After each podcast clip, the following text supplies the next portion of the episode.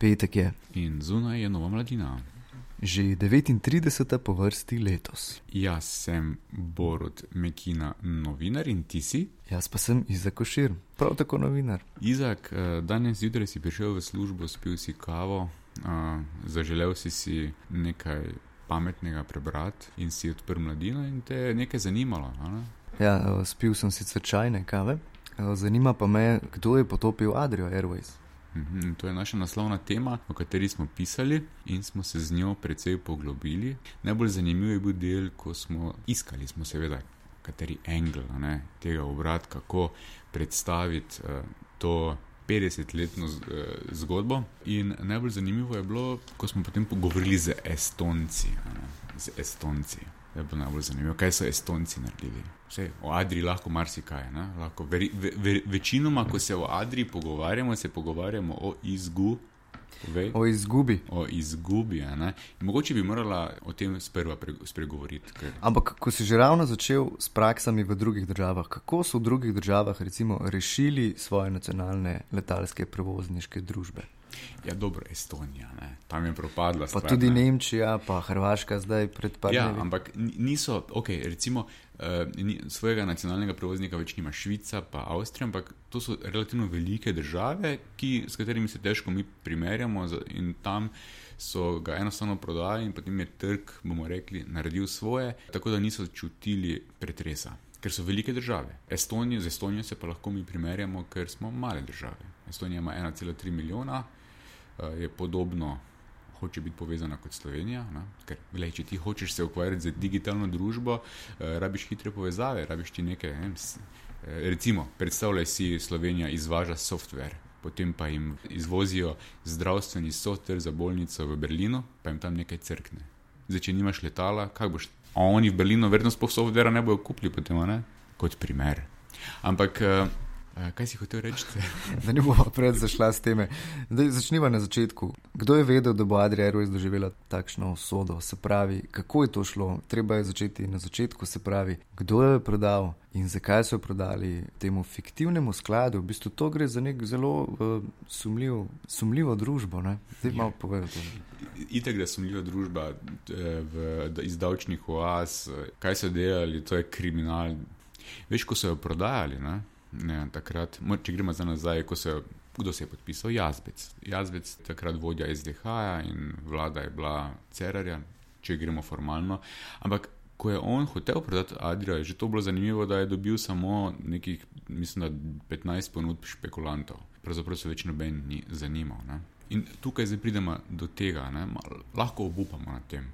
Ampak ti bom pa nekaj povedal. Mogoče greva nazaj k tej famozni izgubi Adrije. Adrija je uh, v 80-ih bila super, ker je no, vozila nemške turiste na morje. Potem je Jugoslavija razpadla, se so začeli določene težave.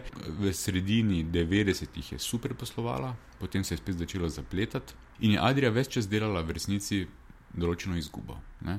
Če se vse skupaj vzame povprečje, recimo okrog 3 milijone recimo na leto je naredila izgube. In seveda potem so tam v začetku, leta, v začetku tega tisočletja naši politiki, mnenjski voditelji, uh, rečemo še uredniki financ, uh, začeli vpit, ne moramo imeti, prodajmo breme, ne? 500, sicer je v Adriji 550 zaposlenih, ne? ampak know-how, piloti, ne vem kaj vse, prodajmo jo izgubo kar je na nek način logično. Zdaj pa pomisli drugače. Eh, Adrija naredi, je naredila takrat 80% prometa na letališču. Eh, in letališče pa je bilo ves ta čas najbolj profitabilna državna družba. Lansko leto je imela 14 milijonov evrov do, čistega dobička, eh, v preteklosti večinoma okrog 10 milijonov evrov. Tako da že tu vidiš, kam se je denar prelival. Kol... Treba je povdariti, da smo prodali tudi letališče na tem. Sej to hočem povedati. Ja. Ampak pridem, pridem do tega, so še pa drugi učinki. Lahko rečeš, da ima Adira 3 milijone evrov izgube. Prej sem rekel, da smo poklicali v Estonijo. Estonijo, ko je njim letalski prevoznik propadel, ki je tudi delal izgubo, so naslednji dan naredili novega. Ker so izračunali, oni so naredili analizo, so izračunali, da en turist, ki ga pripelje njihova letalska družba pusti v proračunu 138 eh, evrov davščin, kar bi v Sloveniji pomenilo, da je to letno recimo 100 milijonov evrov. ne, pride v proračun. Pa da ne omenjamo še, da Adrija plačuje vse vem, 6 milijonov socialnih prispevkov in davkov, in, torej dohodnine. V glavnem temu se reče multiplikativni učinki in zaradi tega praktično vse države imajo svoje letalske prevoznike, ki jih na nek način podpirajo. Ko je Adrija nehala zdaj leteti, so leteli samo še državni letalski prevozniki iz drugih držav na letališče. V bistvu je tako, če pogledaš nazaj, smo se, bom rekel, zaštihali, ko smo prodali letališče od, od tukaj naprej, zdaj moram, bi, bi morali pa res biti politiki modri, da, da stvar rešijo. Eh, tam so si sami zakomplicirali situacijo. Ko so prodali letališče, katerakoli Adrija tukaj bo, bo živela na, zdaj, na monopolnem, v monopolni instituciji, v aerodromu, v, torej na Brniku, kjer bo Fraport določal pristojbine. Fraport je upravljalec letališča. Tako, vema pa mi dva, ne? da pa je skoraj 10-odstotni lastnik Fraporta. Kdo?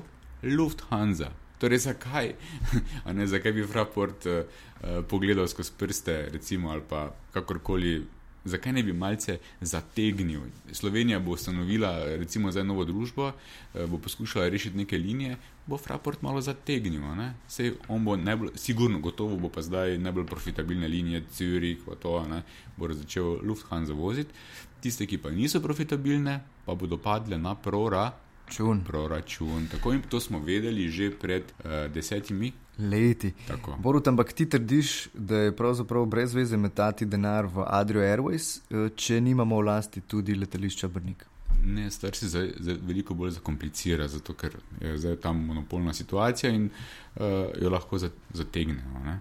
Nikoli ne smemo vreči puške v koruzo, ne gre se za, za izgubo, gre se za konec koncev know-how, pilote, za trg, za vse to. Mislim, da smo kaj postali, smo neodvi, neodvisna država in zdaj bomo pa ugotovili, da se ne splača imeti države, kako ne splača se imeti eh, letališča, ne, ne splača se imeti uh, lastne letalske družbe. Potem bomo ugotovili, veš kaj, da se ne splača imeti fakultete, v kateri izobražujemo pilote. To, za, to smo že ugotovili. Mislim, zakaj? Ne, pa še to ukinimo, uh, potem bomo ugotovili, da, splač, da se ne splača imeti ne, vlastnega trgovca, ne, pa ga ukinimo, ne splača se imeti kemijske uh, industrije, mislim, potem lahko tudi fakultete ukinemo spet. In, uh, ne, splača se, recimo, ne splača se nam več imeti uh, tega lastnega ladjarstva.